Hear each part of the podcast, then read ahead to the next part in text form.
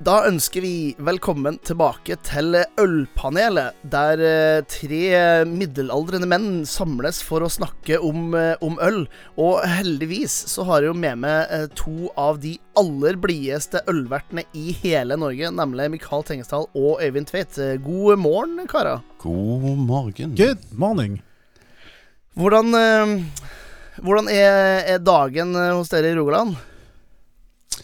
Eh, På, hvis du ser på himmelen, så er det overskya småregner, men hvis det kommer ut fra vårt hode, så ser det ganske greit ut. Ja, vi snakket jo litt, vi snakket jo litt om det før, eh, før vi satte i gang. Dere er jo også ekstremt positive. Eh, så jeg hadde ikke forventa noe annet svar fra dere. Er Litt sånn som på Jæren, at hvis en jærbu går på restaurant, og så syns han maten var helt fantastisk, så er svaret 'var god, den'. Ja. Og hvis du går på en restaurant på Jæren, og gjesten sier 'ja, var god mat', det betyr at det er veldig bra. gikk an, Ja, sier de. Ja. Det gikk an. Jo, det var greit nok, dette. Det betyr at det er Og det er liksom bra. Så, så vi, er, vi ser stort sett positivt på det meste, tror jeg. Prøver iallfall. det, det er ganske sånn Det handler om ganske sånn jevnt imellom Altså, det er, det er litt mindre daler i forhold til, til andre steder i, i Norge der det kan være helt fantastisk og helt jævlig. Så det er litt sånn Ja, det var godt, det. Det er liksom Det er ikke så høyt, men det er heller ikke så lavt. Nei, vi er nok litt trauste. Vi er litt det der at Ja, kom igjen. Står opp om morgenen, pøsregner. Ja ja, men har jo gode klær. Ja. Så, så ja, vi er, men, men derfor er vi nok litt trauste og kjedelige, at vi ikke tar helt av. Mange av oss. ja, ja. Jeg syns ikke det er trøst og kjedelig. Jeg synes det virker Det er nok mer positiv enn de fleste, tør jeg- jeg påstå. Takk for det, Jan Didar. Ja. Men jeg, hyggelig. jeg gikk på en liten smell i går, da. Jeg, eh, jeg skulle sette meg ned klokka halv tolv i går og finjustere litt av de her notatene mine.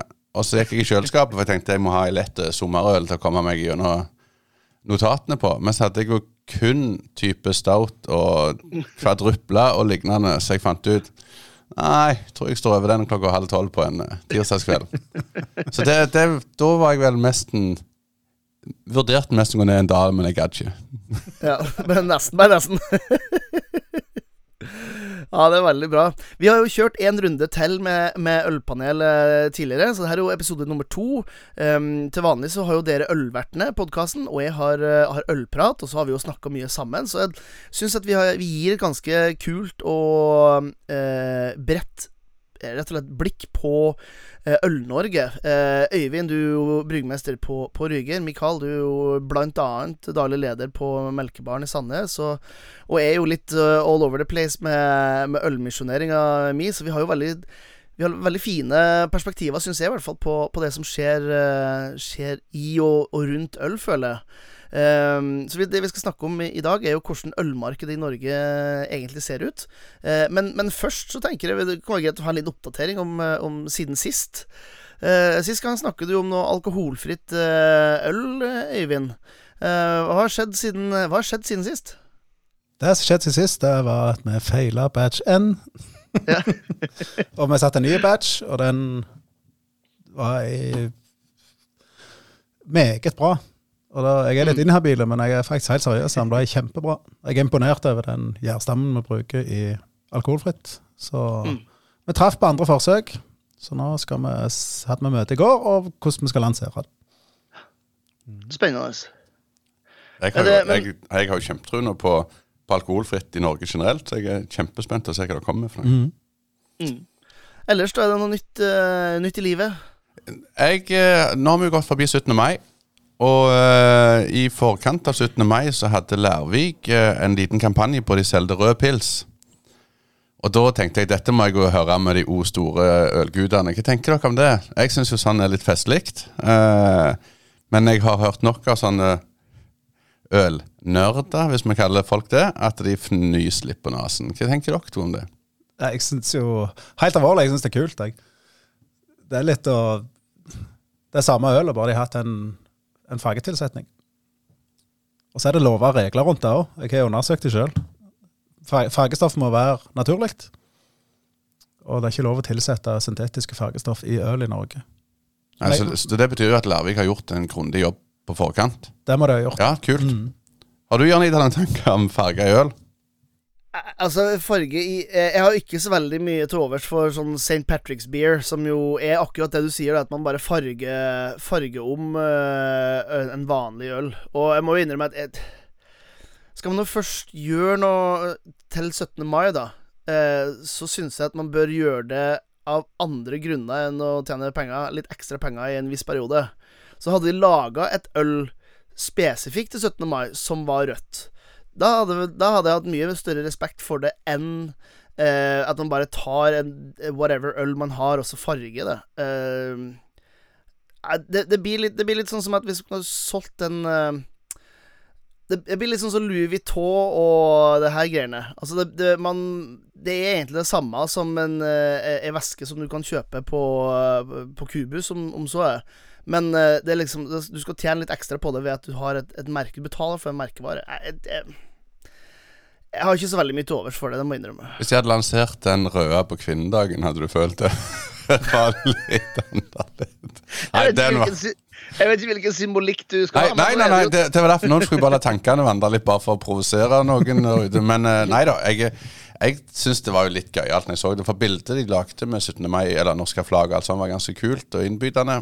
Jeg vurderte å kjøpe det, men, men med tanke på at bransjen vår er ikke tilbake til normalen, så fant jeg ut vi dropper det litt uh, Nei. denne runden. Men uh, syns det er litt gøy. Jeg var jo på en uh, pub i Oslo uh, når Viking spilte uh, cupfinale i 2019. Da, der drakk jeg blå øl. Og det var jo kjempemorsomt, for det var Viking. Så, uh, så det var gøy, det. det men men jeg, jeg, jeg, jeg forstår jo at noen ikke syns det er så gøy. Men det er jo det ølbransjen alltid har vært mot vinbransjen. At vi skal kødde til litt. Vi skal gjøre litt utenom Vi skal gå litt utfor boksen. Så jeg føler kanskje med at vi Vet ikke, at vi ikke liker sånne stunt. Men det var helt, dette var skikkelig avsporing. Det blå Ja, ølet jeg- som du drakk, det var faktisk noe vi hadde lagd. Jeg kan ta en liten sånn festlig historie med det. Det var til, til års, eh, årsmøtet til Rema 1000. Så lagde vi et blått øl, og da blandet vi inn et naturlig fargestoff. Alle vet at gult og, og blått blir grønt, og øl er gult. Så vi måtte ha ganske mye blått fargestoff. Det som skjedde etter 1000 mann hadde gått og drukket på dette, her, det var etter de gikk på do. Og det blått det som kom ut. Derfor gikk vi ikke, gjorde vi ikke noe mer med det. Det er ganske festlig, den. Ja, men det, kjøp, kjøpmenn i Rema 1000 er ikke de helblå, de, da. Så, men ellers, ellers i den måneden så har vi Vi håper jo at eh, Ja, for Nå snakker jeg på vegne av vår region. Vi har ikke kommet tilbake til normalen ennå. Jeg tror mer mange puber ligger enn 20-25 bak 2019-tall. Uh, jeg var i et møte sist uke med regionen vår, og, og der snakket vi at de, mange av de unge er ute. Mange av de veletablerte, altså som har voksne unge, er ute. Men vi savner de 30-50-ish folka. De har ikke kommet tilbake på pubene ennå. Så, så, eh, og så føler vi at restaurantene vinner med tanke på restriksjonene som har vært, med regler med at alt alkohol skal være rundt mat. Det føler vi at Ja. restaurantene gjør at folk sitter der og tar de to siste ølene istedenfor å gå, gå videre til pub. Og dette, det, ikke det, sant. det er ikke noe sutring og klaging, det er bare en konstatering på at vi ikke er tilbake igjen. Uh, Ja. Og for meg så var det litt betryggende å høre at de sleit med det samme i større byer enn en der vi er. Mm. Så, så, uh, så, jeg, så jeg Ja. tror Men det, må, det, altså det, det er jo en en ting må jo gratulere. Var ikke, uh, var ikke Sandnes akkurat kåra til Norges mest attraktive by? Yes, det er helt korrekt. bety, betyr det at alle de som bor der, da, det selv, eh, eller har noe med det å gjøre, altså det sjøl inkludert, er veldig sexy? Er det er det det betyr, eller? Det er vel derfor jeg bor før kommunegrensa, så derfor, derfor Det stemmer nok for de som bor i Sandnes. Det stemmer nok på de meste, og jeg bor utenfor grensa. Men, men, men Sandnes har vært en by med vanvittig utvikling. uh, og eh, og det, blir, det, blir, det blir spennende å se fram gjennom veldig mye nyetableringer i byen. Uh, alle er jo sånn at Med en gang en by får en hype, så tror vi at det vokser inn i himmelen. Sånn har vi sett litt på Bryne òg. Så, så uh, Veldig bra for Sandnes. Mye bra i Sandnes. Og jeg uh, syns det er veldig kjekt med mye nyetableringer. Jeg håper alle, uansett om det er restaurant eller et drikkeplass, kommer seg videre. Ja, Snakke om, om Bryne. Det ser, eh, dere er jo begge involvert i Mellombels. eh, Det er sånn, ikke sant? Jo, vi er eiere begge to. Ja, for dere, der er dere på utkikk etter en ny, eh, en ny daglig leder, forstår jeg? Ja, vi, vi, vi er på jakt etter en ny daglig leder. Det er et uh, naturlig bytte i, i vår bransje at noen uh, ja, noen jakter nye utfordringer, og, og, uh, og, akkurat nå så føler vel daglig leder at motivasjonen ikke var på topp lenger. og det er helt naturlig på vei ut av en pandemi. Det har vært to tøffe år for alle ja. i denne bransjen, så, så, det er fullt forståelig. Så, så vi jakter en ny person som er veldig framoverlente og vil være med å utvikle både byen Bryne og ikke minst eh, Mellombel, som er en del av symbolikken på, på ølet kom til Bryne skikkelig, før Brix mm. bl.a. kom. Så, så, hvis det er noen der ute som har lyst til å være med på en kanonkjekk reise med mye spennende samarbeid med kollegaer, og, og ikke minst med i styret, samarbeid tett med daglig leder, så, så gi oss et vink. Mm. Kanskje du skulle flytta til Bryne? Ja, det var, en, det var en veldig smooth segway over til, eh, til hva som skjedde for, altså sist for min del. For jeg har jo, eh, jeg har jo avslutta mitt, eh, mitt, arbeidsforhold i, i lokalbrygg. Um, så jeg har min siste arbeidsdag i, i august. Og så får vi se hva det blir til, til høsten. Jeg, jeg, har jo Altså, siden jeg flytta tilbake fra, fra Statene for en 15 års tid siden Um, så helt i begynnelsen, når jeg flytta, så brukte jeg litt tid på å finne meg sjøl, da, på en måte. Så da, da bytta jeg litt arbeid. Men jeg hadde jo hatt samme arbeidsgiver i ti år før jeg begynte i lokalbrygg.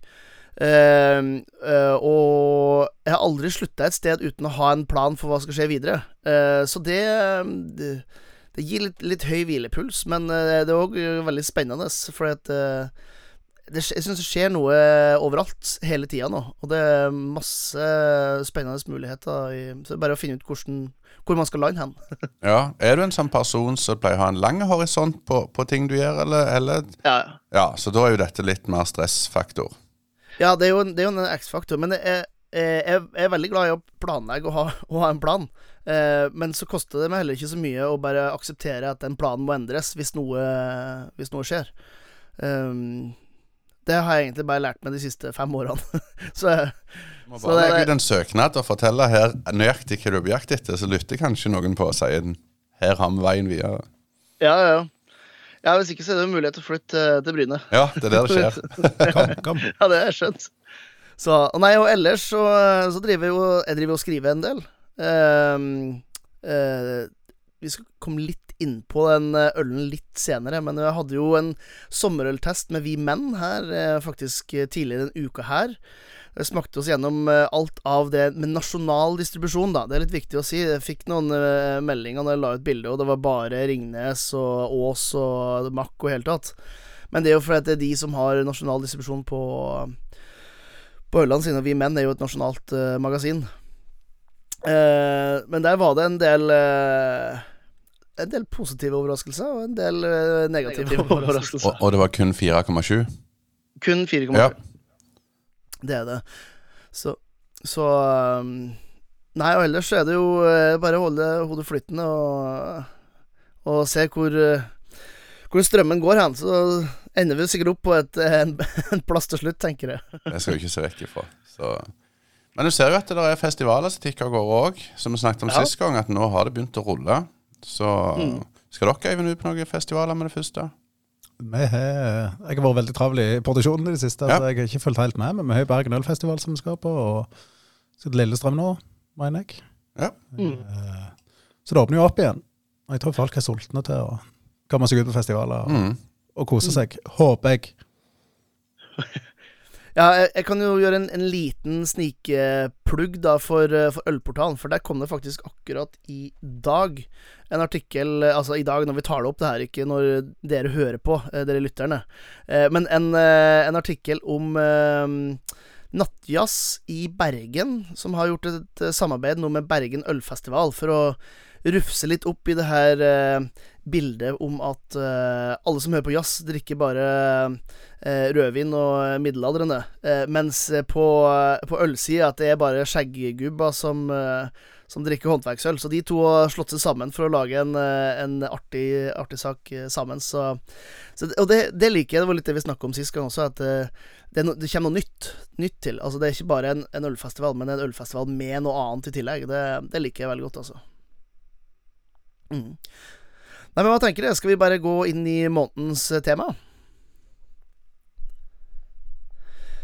Og eh, månedens tema er rett og slett hvordan ser ølmarkedet i Norge ut? Um, og sånn her en teknisk oppsummering av hvordan det, hvordan det ser ut i, i forhold til um, konsumenter. For de aller fleste som hører på podkasten her, de er jo, de er konsumenter. Uh, og da har du egentlig uh, bare fire valg. Uh, det, ene er, det ene er dagligvare eh, dagligvareøl, eh, som da inkluderer selvfølgelig eh, alle kjeder som du kan tenke deg til. Det inkluderer ølutsalg, det inkluderer uavhengige ølbutikker, nettbutikker osv. Eh, og har da øl opp til, eh, til 4,7. Um, og så har du uh, Horeka, altså restaurantbransjen, der du um, kan kjøpe om det er på bar eller hotell eller uh, jeg vet ikke, travbane sikkert også. Eh, det regnes som, som horeka. Altså det, det, er rett og slett stedet der du må konsumere ølen på, på stedet du er. Og så har du jo Vinmonopolet, eh, selvfølgelig. Der du må for all øl som du skal ta med deg hjem, over 4,7.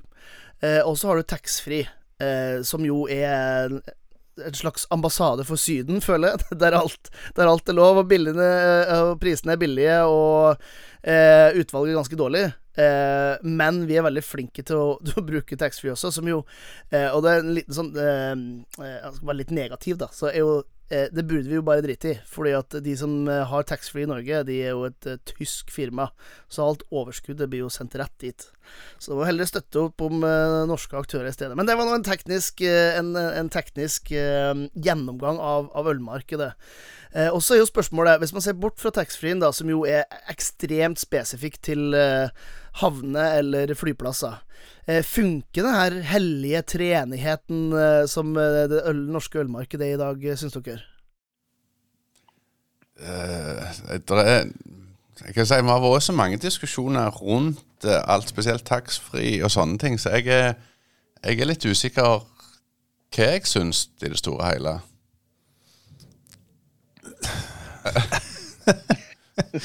jeg sliter med å svare på det. det ja. Men der, vi havner jo ofte i en diskusjon igjen om at uh, f.eks. butikkene skulle få lov å selge sterkere øl enn 4,7. Mm. Og går det utover grensehandel, går det utover taxfree og alt sånne ting. Men, men, i det store og hele så syns jeg det fungerer. Jeg hadde jo vært spent på hvis at butikkene hadde solgt over 4,7, hadde det tatt over Horeka-markedet igjen. Mm. Men, men For tenk meg litt om, så er det Det fungerer jo. Det, det er jo Så snakker vi en liten periode å få øl opp til 8% i butikk. Jeg vet ikke om vi snakket om det i en annen podkast òg, men at uh, jeg er redd for det. Jeg ville aldri hatt Jeg ville hatt Vinmonopolet, hvis det er meg personlig. For det, det som skjer hvis du kommer inn på de store kjedene, så er Rema, det er Coop og Norgesgruppen, så blir alt pr press på pris alltid, og det går ut over kvalitet. Uh, jeg er redd for hvis det kommer øl på 8% så er det den billigste som vinner uansett. Og det ødelegger litt den der fordelen vi har når vi har Vinmonopolet. Vinmonopolet kan jo komme inn på uansett, og selger velger hvilken pris det skal koste ut. Og så ikke minst kunnskapen som Vinmonopolet har. De formidler ja. et produkt. Det gjør ikke butikkene. Og Da, da velger kunden hva han ønsker til hvilken pris. Uh, ikke at det er en kjede som styrer hva prisen skal være. Men, men nå sitter ja. jo vi veldig mye og forsvarer våre egne ting. Du er redd for mm. det pga. pris. Jeg er redd for om det går ut over Horeka-markedet. Mm. Snu litt på det. Ta lokalbruk der så Jan Ida jobber per dags dato. Så hadde det vært fantastisk å få til 4,7, både i abonnement og lignende. Mm. Så, men, men, hvis jeg klarer å løfte blikket over og, og, se på det som en kunde, da Så går inn i butikken og kjøper i håndbryggeri Fyr og Flamme til 6,5 på butikken hadde jo vært fantastisk enkelt og greit. Mm. Uh, men, men, men jeg, jeg, har ingen problem med sånn som det er per dags dato. Nei. Bryg, Altså det hva, hva, sa du? Nei, bryg, Bryggeriforeningen jobber jo, jobber jo for at bryggeriutsalg kan selge øl opp til en gitt alkoholprosent i et gitt mm. volum. Det er jo ja, jeg er jo... inhabil i, men at jeg mener jo at Hvorfor ikke? Det, det, det, det vært en fordel for mikrobryggeriene å ha De jobber mye timer og tjener lite penger.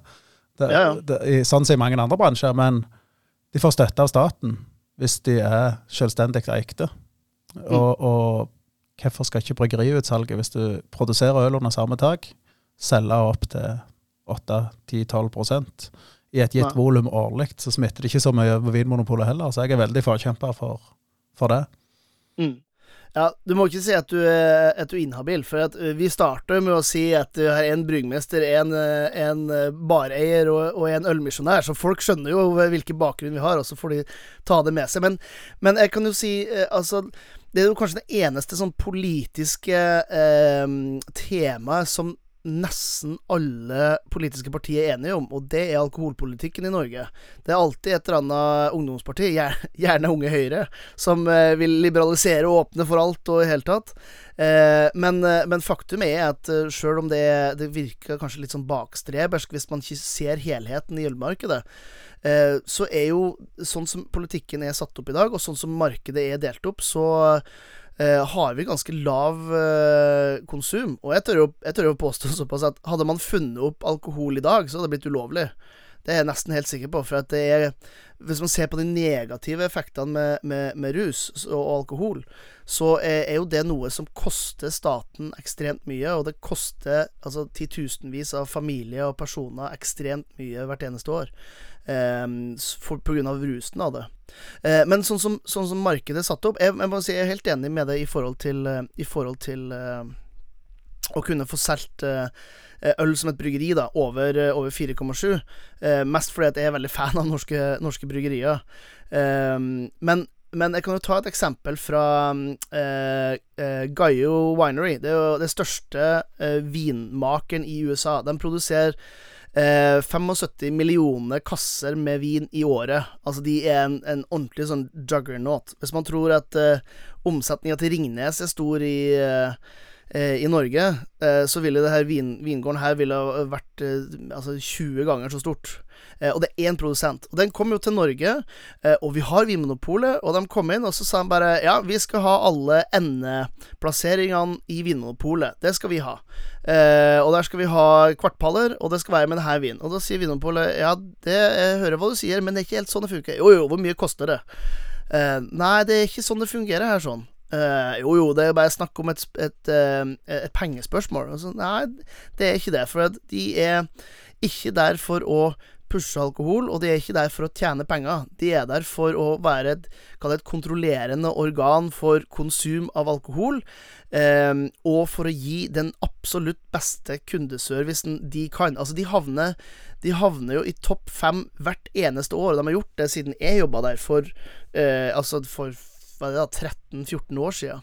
Eh, og den kunnskapen de sitter med, er helt eh, fantastisk. Eh, og du kan jo prøve da å gå inn på en Coop, eksempel, eh, og stå i ølhylla, og så vet du at du skal spise en hamburger med cheddar og, og bacon jam, eh, og så lurer du på hvordan øl du er, og så kan du prøve å spørre en av de som jobber der sånn. Eh, du, får, du får ikke noe vettug svar. Hvis du går inn på et vinmonopol og så spør om akkurat det samme, så kan du ta det gift på at du får i hvert fall tre forskjellige forslag i hvert fall to forskjellige kategorier.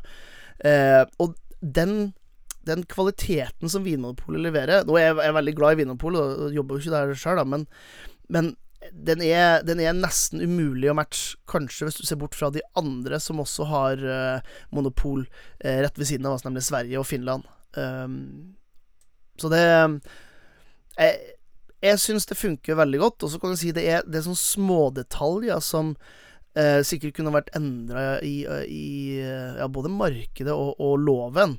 Eh, altså Kanskje spesielt med sånn som prikksystemet til Horeka, som jo eh, håndteres eh, faen meg forskjellig fra time til time, sjøl om det er samme person i samme kommune. Eh, så det provoserer meg litt, og jeg jobba ikke engang i, i Horeka. Eh, men, men hadde man sluppet helt opp, og alt hadde vært lov, så hadde det eneste vi hadde sett, hadde vært Karlsberg og Ås og Ringnes og altså de store ja, til med, Kanskje til og med ikke Ås engang.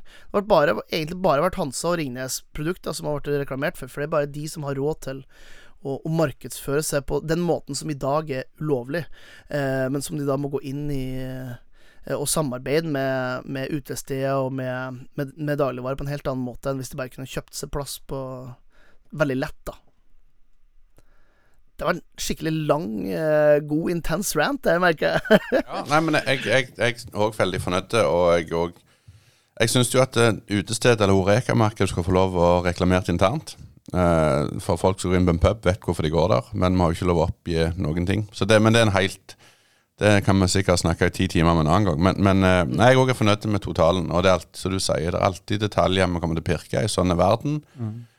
Men, men håndverket er det veldig viktig å ta fokus på, og ikke minst på kunnskap. Kunnskap er jo det med opplevelsen. Gå inn på Vinmonopolet, så får du en opplevelse som du gjør i gode Horeka-plasser. Ja. Vin, Vinmonopolet er kjempebra, men det er, noe jeg misliker, det er egentlig taxfree. Ja. Jeg, jeg syns det er litt sånn av, av Norge å pisse i buksa. For hvorfor skal du ha en taxfree? Det er for å finansiere flyplasser. Nei, det er for sånne som meg som reiser til Spania to ganger i året. Ja. At de har jo ikke normalt øl i Spania. Det er på sant. enkelt, er der jeg reiser. Og da må jeg, kjøper jo vi med oss 50 øl ned gjennom. Og da må vi ha humleøl. Så det hjelper for sånne som meg. Ja, men Da går du bare på Vinmonopolet først, da. Ja, men da får jeg jo ikke med meg inn i Da må Det er du Så Men jo da, jeg ser den. Ikke. Jeg, jeg, nei, jeg ser det ikke, for at jeg, jeg forstår ikke hvorfor vi skal finansiere flyplassen med taxfree. Det klarer de i alle andre land. De har taxfree, men det er ganske annerledes priser i butikk. Ja, er. Så, så jeg hadde nettopp den diskusjonen med noen på, på taxfree, og jeg, eh, jeg forstår egentlig ikke konseptet helt. Men så vil jo jeg at folk skal kjøpe øl i Norge òg. Men det norske folk er jo ikke enig med deg der. For det er jo det Nei. mange lever under av å reise inn ut av landet, og ta Mm. taxfree. Jeg fyller sjelden opp kvoten min. Jeg kjøper stort sett alkohol, kjøper jeg øl og konjakk. Men eh, Og ikke røyker jeg, så jeg er ikke den som bruker mest taxfree. Men mye av reisefølget er jo De vet jo mest hva kvoten er i den viktigste kunnskapen de har. Ja. Hva, hva tenker dere altså, Sånn som ølmarkedet, for nå snakker vi jo om liksom konsumenten. Ehm, og hvor han får tak i ølet og den delen av ølmarkedet. Uh, men så er det jo ikke til å stikke under en stol at vi har jo hatt et, et, uh, et øl Altså et bryggeri-Norge som har endra seg ganske ekstremt i januar, med det at ehm, det nest største bryggeriet i Norge òg ble, ble kjøpt opp av en dansk, et dansk konsern. Så det betyr jo at jeg vet ikke, jeg underdriver vel kanskje ikke ved å si at 85 av eh, Ok, 80 av, av alt, alt øl som konsumeres i Norge i dag, eh, er brygga av, eh, av danske eiere. Eh, og det er jo en sak der akkurat de her to, Hanse og Ringnes, har jo eh, gått til sak mot hverandre. Og fått med Konkurransetilsynet pga. ekskluderende eh, kontrakter. Og det selvfølgelig, de går jo mot hverandre, men de ekskluderer jo alle de andre 200 norske bryggeriene som, som er der gjennom kontrakter og veldig gunstige lån til, eh, til Horeka og, og i det hele tatt Hva, hva syns vi om den måten å, at Øl-Norge er bygd opp på? Jeg tror vel mest nå det største norskeide bryggeri er vel nå Grans, tror jeg. Er det ikke det? Eller bommer jeg litt nå? Ås.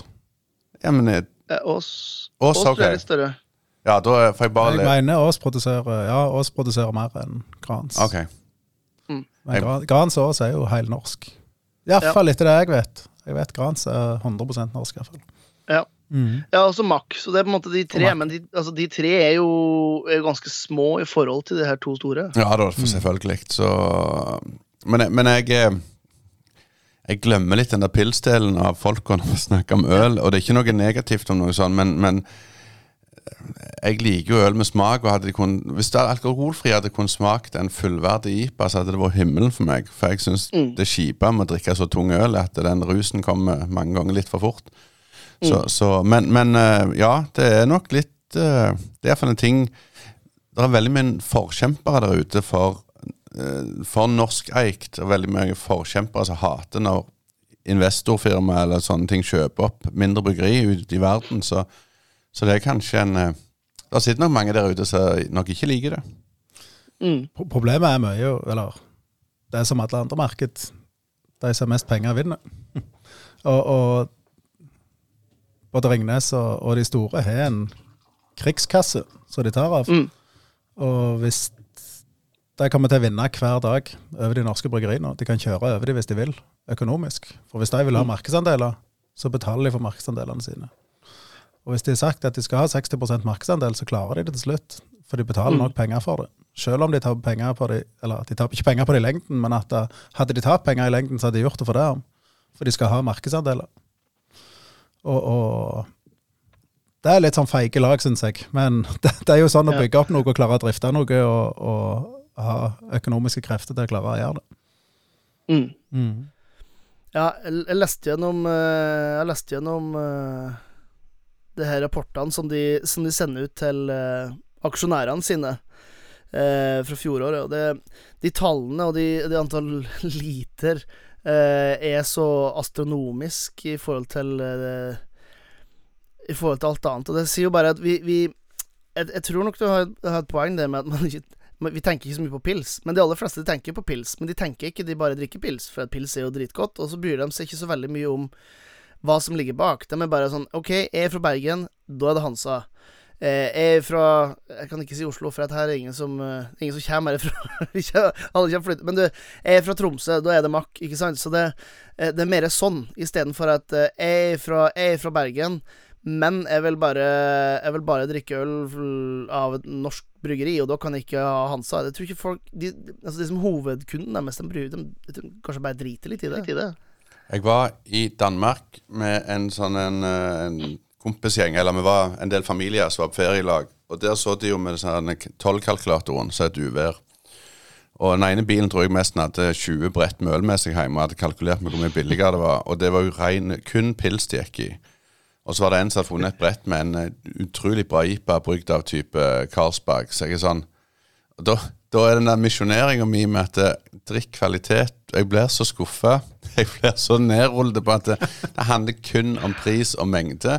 Så jeg sa at du drikker jo ikke opp det der på et år. Hvordan er smaken om et år? Bare for å fyre opp litt, da. Men nei, det var ikke noe problem.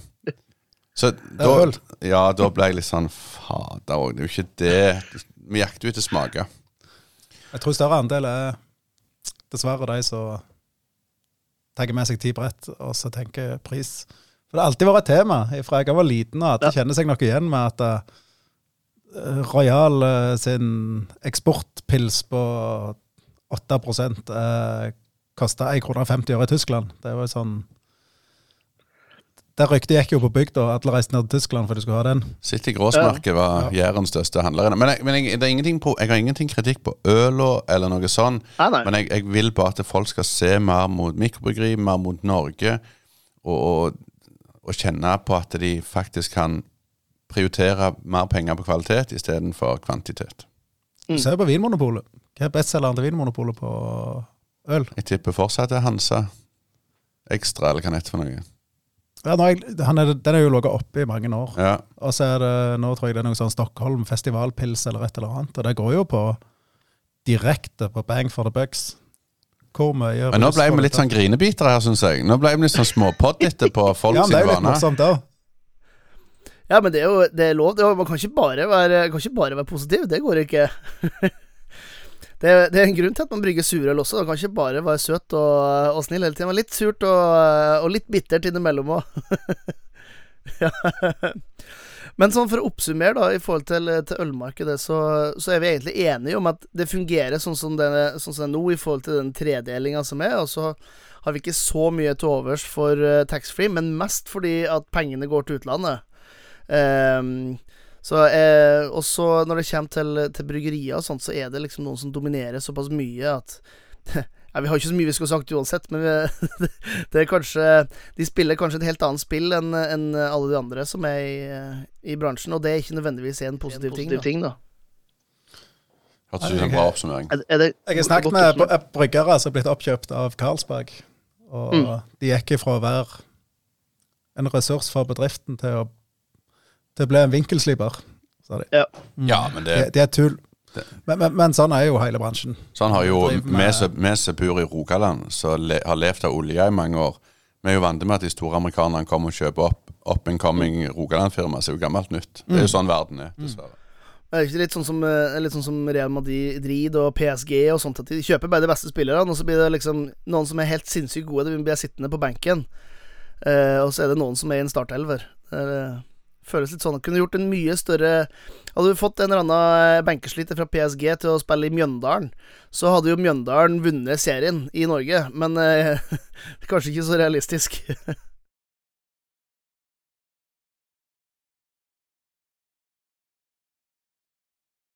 Nei, men bra. Da har vi gått gjennom eh, månedens tema. Da kan vi jo ta oss og gå til noen spørsmål fra lytterne. Begynne med, begynne med Chris Alexander sitt uh, superenkle og superkompliserte uh, spørsmål. Nemlig hva er de tre beste norske IP-ene uh, å kjøpe på Vinmonopolet? Uh, og da, da kan vi jo ta en rask runde på hva, hva er en god IPA for oss, eh, for oss da? Øyvind, hva er, hva er en god IPA for det? Hva slags IPA? Kommer spørsmålet tilbake. Det finnes så mange forskjellige. Det er New Men, men, England jeg, IPA. tror- ja, men jeg tror folk der ute sier IPA om Ja. det som vi kaller West Coast gammelmanns-IPA. Eller så er det NIPA. Jeg tror det, at, alt som er hazy i dag, tror jeg folk ser på som NIPA Ja. uansett. Stemmer. Er dere enige i den? At folk tenker Ja. sånn? Da blir vi enige om det. Ja. Og da var Ja, spørsmålet, Jonny, der. Og da er jo spørsmålet hva, eh, Hvis du ser bort fra Neipa, hva, hva kategoriserer Eller hva, hva er det som kjennetegner en god IPA i, i din gane? Jeg er en sucker for uh, Kinn vestkyst. Mm. Mm. Det, Hvorfor akkurat den? jeg vet ikke, han er bitter, han er karamell. Han er fruktig. Han er liksom ikke Han er ikke hazy. Ikke at det har noe å si, men at du føler det er et veldig friskt, bittert, smaksrikt øl. Så Det er kanskje litt old school, men jeg ser jo bransjen er litt på vei tilbake igjen til West Coast. IPA. Mm. Uh, jeg kjøper den ofte. Det Ja. gjør jeg. Godt leskende, Ja. friskt øl. Jeg syns òg det er en kjempeøl. Men for meg så er det håndbryggeri Fyr og flamme. Den Mm. eh, har jeg likt i mange år, og han har vært en åpenbaring. Jeg husker jeg bytta den bitte litt ut med humlekanon, men humlekanon forsvant jo igjen. Men, men jeg liker veldig godt en, en som har god kropp, bra fylde, og, og ikke minst kjenne bitterheten. Eh, og, og når, jeg òg har Jeg har dømt Neipa nord og ned. Jeg har hevet meg på bølga. Jeg drikker mye Neipa. Men går jeg tilbake en god gammel IPA Nå lager jeg sånne hermetegn her, men, men så, så er jeg på fyr og flamme. Jeg er veldig fan av den. Mm. Så håper jeg den ikke, må- så håper jeg ikke en viss selger fra Drammen, eller som ikke er fra Drammen, da, men sitter og hører på, for da ringer han vel og skal selge mer øl. Så, men jeg, men jeg, jeg er veldig fan av den. Mm. Og eh, faktisk jeg, hadde, jeg hadde Fyr og flamme på min egen liste, så må jeg, må jeg finne en annen en. Men, men, men både Vestkyst og Fyr og flamme har, syns jeg, i hvert fall spesielt de siste to-tre årene, blitt to veldig mye bedre øl. For jeg syns de har blitt renere, og så har de fått høyere rotasjon, så det er ferskere øl også.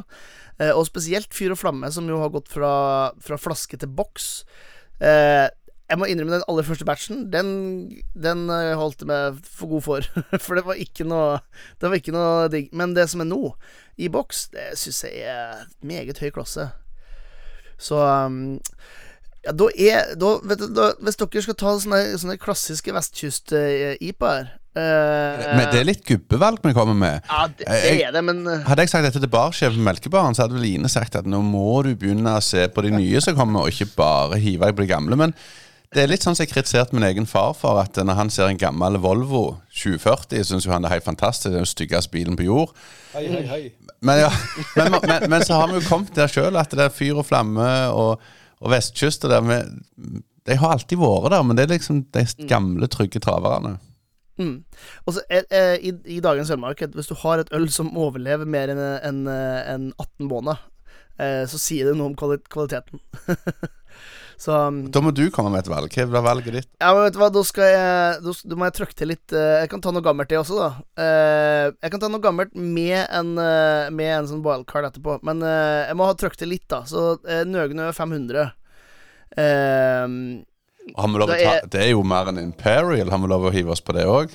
ja, det syns jeg. Det må Ok. være innafor Ja, den, er mag den er magiske.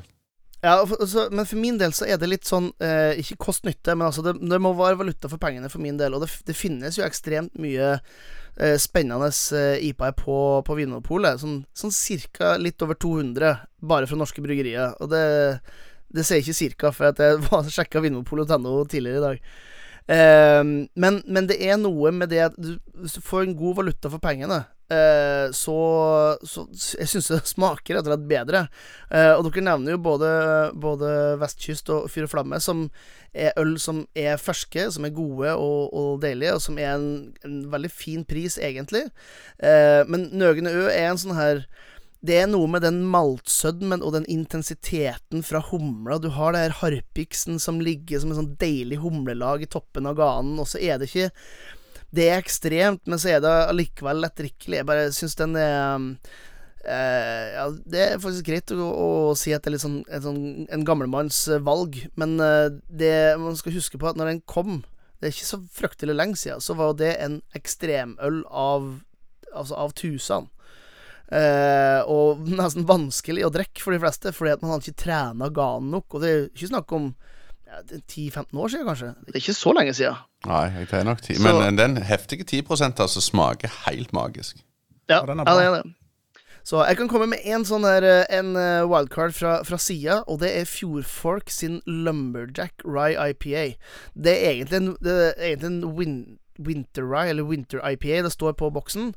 Eh, men den, jeg syns den Jeg har drukket ganske mye av den, for å si, for å si det sånn.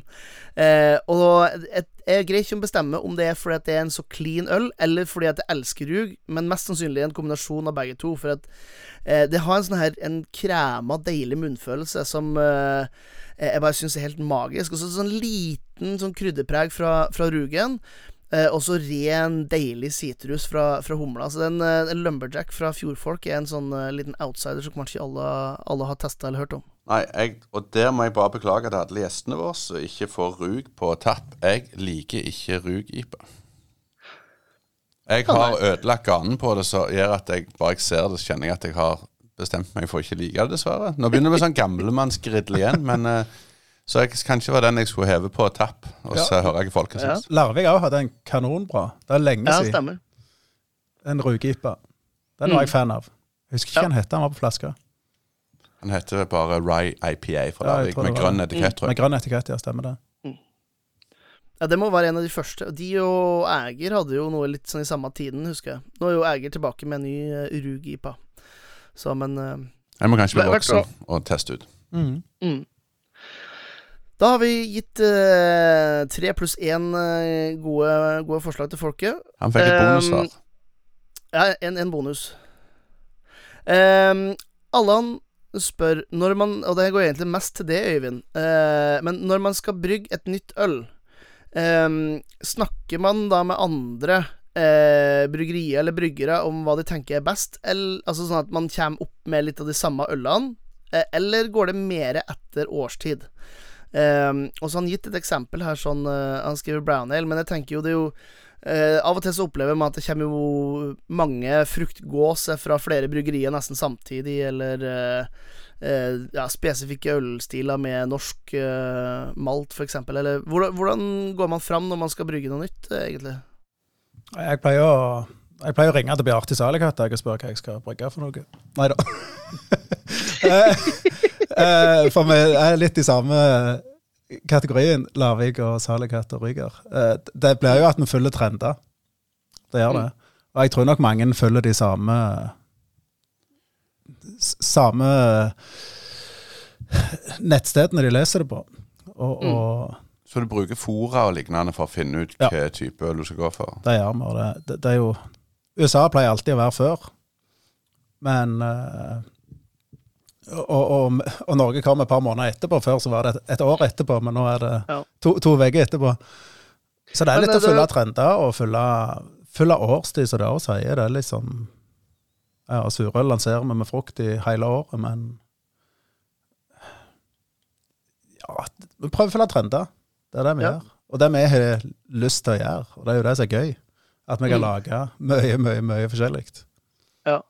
Men hvis du Hvis eh, Allan eller noen av de andre som hører på, skal prøve å finne ut hva er hva er, hva er den kommende trenden? Hvor, eh, hvor bør de gå og lete? Har du noen tips? På trendy øl nå? Ja, nei, men altså hvor, Hvilke nettsteder og sånt kan Ja. vi sjekke ut? Ja. Jeg anbefaler amerikansk eh, ølmagasin. Det er flere der ute. Craft blant annet. Men det er, er flere som er ganske bra. Uh, så er Det er et, et som heter En plass jeg liker å lese, som er ekstremt bra for hjemmebryggere òg. Og, og de har noen sånn kurs jeg har begynt å ta der som er ekstremt spennende. på F.eks. hvis du skal lage en Helles, eller om du skal lage en Ja. Så er det Bear and Brewing, heter det. Det er amerikanske Amerikansk nettsted. Ja.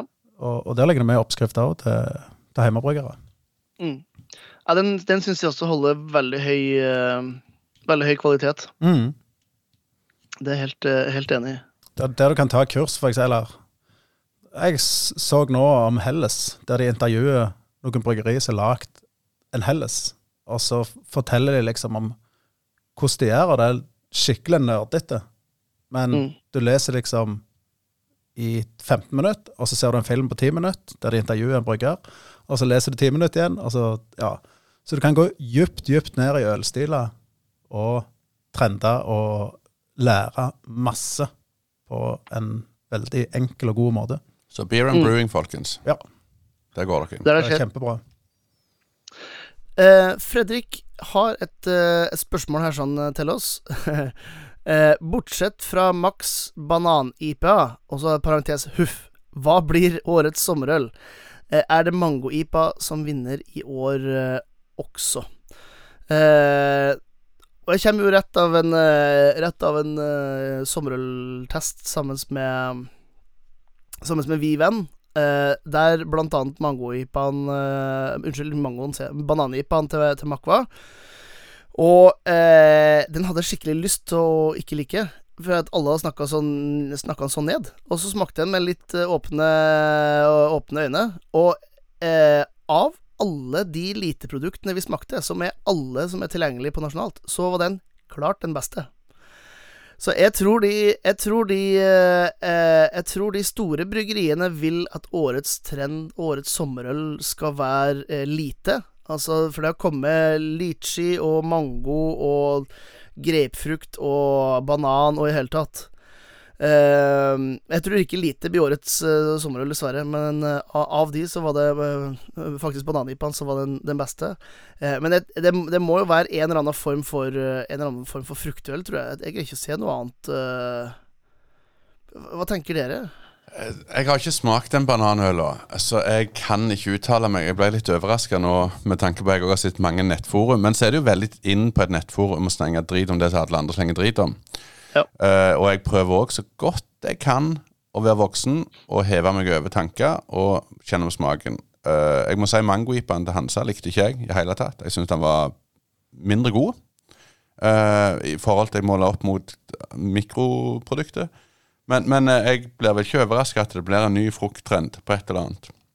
Mm. Men, jeg, men jeg har ikke smakt så mye av disse årets sommerprodukter, hvis man kan kalle det det. Jeg smaker på det ren interesse, og, og, men jeg er personlig Jeg forstår det, men jeg er personlig litt motstander av å bruke aromastoff i produkter.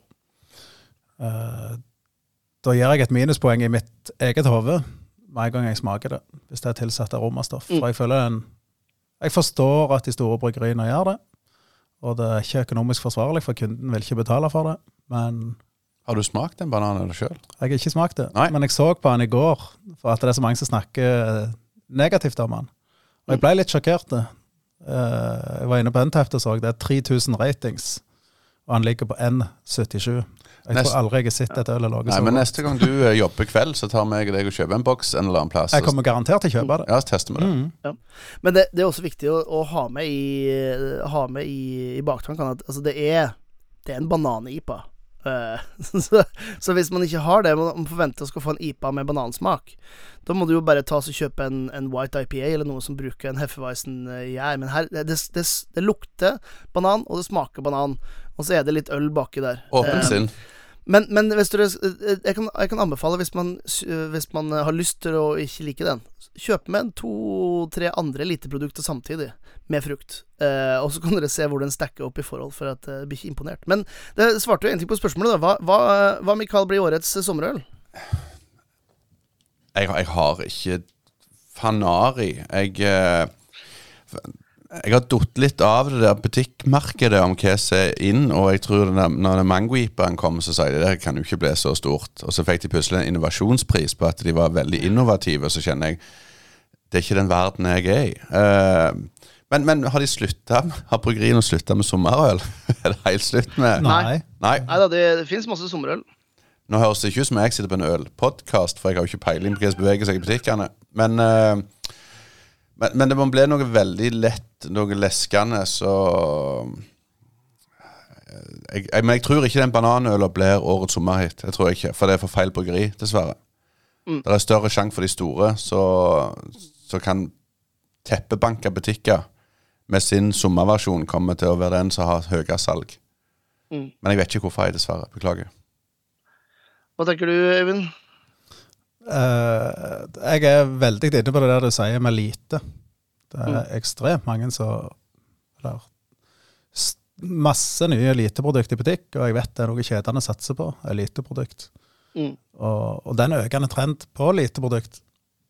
Ja, Men ikke det er litt merkelig? For lite var inn for ti år siden. Så forsvant det totalt. Og eller det har alltid vært der, det ligger baki der. Vil det da si at denne uh, hardselgeren, Mm. som òg prøvde seg, men som har forsvunnet litt, betyr det at den var forut sin tid for de som satsa på det? Ja, det For, tror jeg faktisk. for det handler jo om Lite handler jo òg om kalorier. Sånn, ja. og det gjør jo òg hardselger. Mm. Så, så spørs det hvor mye fokus folk har på det. Mm. Men, men jeg tror Mikael er veldig rett. Det blir en av de store som klarer å teppebanke alt av butikkjeder. Og så blir det en snakkis, og så skal alle gå og drikke den. Ja. Eh, jeg skulle ønske det var Ryker sin østkyst-IPA som er på Rema. Den er 100 ekte. Det, nå holdt Jørn Idar opp en boks med Brygger østkyst-IPA. Norskeid bryggeri. 100 norsk eid bryggeri med 100 naturlige og ekte råvarer. Og, og, Det er det jeg skulle ønske. og dette har blitt en sånn salgspodkast. Jeg Ja, er søker ny daglig leder, Jørn Ida søker jobb, og du skal selge produktene dine. Ja. Jo, men det, det må være innafor. Altså, vi, vi, vi er jo der vi er i verden, ikke sant. Vi kan jo ikke la være Altså, vi kan ikke la være å snakke om det som vi holder på med i hverdagen vår. Men jeg, Kan vi, kan vi bare snu bitte, bitte litt på det? For vi hører jo hvor vi vil hen med dette. Men hvis du skulle, så har smakt mye mer sommerøl enn iallfall meg og Øyvind Hvis du skulle rangere topp tre av det du tror Altså av det som, som kommer til å, å, å selge i sommer, tenker du? Ja, så det blir en sånn sommerslager. Ja, det, det kan jo se, bare så folk ikke glemmer det. Mango-IPA var jo ikke en sånn overnight-suksess. Eh, det var jo først på år tre de lanserte den, at det ble en ordentlig suksess. Altså, en, Det første året lagde de ganske lite, så mangedobla de året etterpå. Men det var først liksom eh, det tredje året at de begynte å sette opp hele kvartpalla og i det hele tatt. Ehm, men altså, hvis jeg skal tro på Hvis jeg skal Altså, øl som jeg tror på av de mer sånn kommersielle uh, aktørene, uh, så må jeg faktisk putte banan-IPA ganske høyt oppe. Uh, så får vi se om de får så mye uh, gjenkjøp. Fordi at en, det det handler mye om med, hensyn til banan-IPA-en, er jo at folk ser den og så bare Hæ, det der er jo helt sprøtt. Men det tenkte de jo mango-IPA-en òg. Og den er her, den er her nå. Så um, så jeg tenker, jeg tenker den, eh, den droppet. eh, Skjærgårdspils eh, Den slår alltid, alltid godt, godt an i, i tester og hele tatt, så den tror jeg kommer til å være der oppe. Og, og så håper jeg Men det, det tar en kategori. Og så håper jeg at Craft lager altså en god håndverkspils eh, Ikke én, men så mange som mulig, helst. Eh, slår an, sånn at folk begynner å innse at eh, pils er ikke bare pils, men en pils kan òg være ekstremt eh, eh, deilig og fersk og karakterrik, sjøl om det er superlettdrikkelig. Eh, så jeg håper det som en treer, da. Og det vil jeg òg skyte inn. Jeg vet at jeg slenger mye med lippa om smaksløs øl, altså type pils. Men det er veldig situasjonsbetinga for meg. Hvis jeg har vært ute og gjort noe fysisk, alt ifra å sprunge eller noe sånt, så er ei lettdrikk Eller god pils er fantastisk, og gjerne litt mer med litt mer fylde enn de, de, de største merkene. Syns jeg er helt nydelig. Eh, det er bare jeg som irriterer meg når det er som går og hamstrer over en lav sko for å få det billigere. Det er vel det som irriterer meg mest. Så, så pi- pils er, er et produkt vi alle har starta å drikke, og vi alle kommer til å drikke. Og jeg må si det er nyrens strekk med en ny pils ute i sommersola. Helt konge. Ja, helt enig. Da har vi kommet til eh, slutten av den, uh, den sendinga her. Vi har eh, gått gjennom alle spørsmålene. Vi har diskutert litt rundt eh, litt ølmarkedet. Vi har, e vi har ikke avtalt når neste eh, opptak skal, skal være. eh, og Vi får se om vi kanskje greier å snike inn et eller annet med en liten episode i, juli. Men for at du som hører på skal være helt sikker på at du skal få det med deg, så er det jo bare å abonnere på Ølvertene og på Ølprat, eh, så du får med de her episodene her sånn. Det, er egentlig det eneste fornuftige å gjøre etter at du har overlevd eh, 50 minutter med eh, tre eh, aldrende ølnerder i, i, i øret ditt. Og før vi liksom sier si sånn ordentlig takk for oss, eh, så eh, synes jeg at vi skylder lytterne såpass at vi må gi dem vår eh, ølanbefaling nå til, til juni. Eh, og da, eh, da, er det utelukkende egoistiske, egosentriske valg som gjelder eh, for deres egne ganer, som dere mener er liksom eh, det perfekte det perfekte ølet nå i, i, juni. Så jeg vet ikke, er det, noen, er det noen frivillige som vil starte? Jeg kan hoppe litt i det, men, men jeg må bare litt spore bitte litt av en liten ting. Men jeg hadde en veldig positiv ølopplevelse her om dagen. Jeg hadde et spansk bryggeri som heter Oso Brew Company. En amerikansk IPA. Eh, kjempegod øl. Men det jeg tenkte litt på da, når vi reiser på guttetur til Spania, så reiser vi til en plass mellom Malaga og Marbella, og så bruker vi ratebeer for å finne plasser hvor vi kan gå og oppsøke øl. Og der fant vi en ny ølbar i Fungirola. Og vi gikk inn, han hadde 15 øl på tapp, og veldig, vi tok taxi et stykke for å komme oss på den puben. Og mens jeg hadde en 033, frisk IPA, for det var fra Syden, det er litt varmt, da hadde bartenderen hadde vel tre 033-glass både med stout og en porter og og noe annet. Så når vi gikk på restaurant, så hadde jeg veldig lyst til å gå tilbake et par timer etterpå for å se hvordan tilstanden var på den bartenderen. Så han, han gitte veldig mye mening om hvordan en bryggeri, eller en ølbar skal, skal framstå. Så, men, men, eh, det var en veldig Det heter vel digresjon på fint. Eh, men, men jeg er så kjedelig fra mange ølfolk der ute at jeg går faktisk for ei smaksrik alkoholfri. Og da vil jeg anbefale så sterkt som Larvik Norvøs Grapefruit. Uh, jeg var på Preikestolen, som er en sånn liten fjellknaus her borte på Vestlandet, på 17. mai, og hadde med meg I Know Worries. Og, og det er øl som passer perfekt for oss som bor i Rogaland, med lange strekk mellom naboer. Litt sånn som så andreplasser, og må være kjørbar når vi unger og sånne ting. Nå snakker jeg veldig sein, uh, nylig opplevelse at jeg må være kjørbar, for jeg har en unge som begynner å komme i festalderen. Så, så derfor, med alt, så syns jeg i solveggen eh, tar jeg ei Larvik No Worries Grapefruit. Mm. Det var ikke spenstig. Nei, jo, jo det syns jeg. Ja, okay. For det er fantastisk øl. Uten tvil. Jeg er kun egoisme, men jeg, uten egoisme så hadde jeg òg gjort det. Vi lanserer nå i juni batch to av Ryger Restkjøttdypa. Velkommen til Ølvertenes og uh, salgskanal. Skal ikke dra Jørn Idar inn i den her. Vi har testbrygga det elleve ganger. Uh, på det brygget vi hadde nå, så har vi fått litt tilbakemeldinger på at den er litt for bitter. Vi har økt tørrhumlemengden, og han smaker mye fruktigere nå, og mindre grønt og bittert. Så jeg vil anbefale en Ryger Eskjestipa i solveggen. Med norsk en hele sixpack, faktisk. Norsk havre og Norsk havre og norsk malt. Og. Det, det høres mm -hmm. bra ut. Fyldige eh. og ja, friske. Uh. Da, da, skal jeg Altså, siden, siden jeg, skal ta, jeg, skal ta, noe som jeg vanligvis ikke har gjort. Men det var rett og slett en, en øl som imponerte meg såpass mye at uh, jeg, jeg, skal anbefale en uh, fruited sour. Uh, og det gjør jeg ikke så ofte, for som oftest når du har en, en kettle sour, altså melkesyre sy, Melkesyren, uh, øl med, med, frukt eller bær, sånt, så syns jeg det, det, blir litt eh, endimensjonelt og litt kjedelig, og faktisk i noen tilfeller ganske stygt. og, jeg, og, jeg, er jo litt sånn old school. Jeg liker jo en klassisk pilsner, en god altbier, en god Martzen, altså. men akkurat den her den imponerte meg såpass mye at jeg, jeg vil anbefale um, Strawberry Sunday fra Walt City Brewing eh, fra Skottland. Eh, og de lager jo bare moderne surøl. altså det de sjøl kaller moderne surøl. De lager bare denne typen ting. Um, og så kan du si at strawberry sunday, altså en, en øl som skal smake som uh, en, en jordbærsunday, altså en, uh, en uh, jordbæris med krem og kanskje et jordbær på toppen, er jo litt sånn ja, det vet ikke Det er litt høytflyvende. Men det her det smakte faktisk genuint jordbær ut av det. Altså ordentlig jordbær. Eh, ikke norske jordbær, eh, men det smakte altså ferske jordbær. Jordbæris. Det var rett og slett sjukt godt. Eh, og vi er ikke helt sånn i sommeren heller, nå i juni. Eh, fortsatt et par arbeidsuker igjen før at det blir eh, fellesferie, og, og, og vi på en måte skal ha ferie ordentlig. Så Derfor synes jeg det her er en, en fin en. Det er ikke noe å drikke mye av. Eh, men den bare den, Det er sånn forsmak på, på sommer som jeg var totalt uforberedt på. Men eh, en meget solid eh, øl, altså. Løp og kjøp. Det er ikke noe annet å gjøre. Nei, men da Vil dere ha noen siste ord, karer, før vi, før vi takker for oss? Er øla di en polversjon?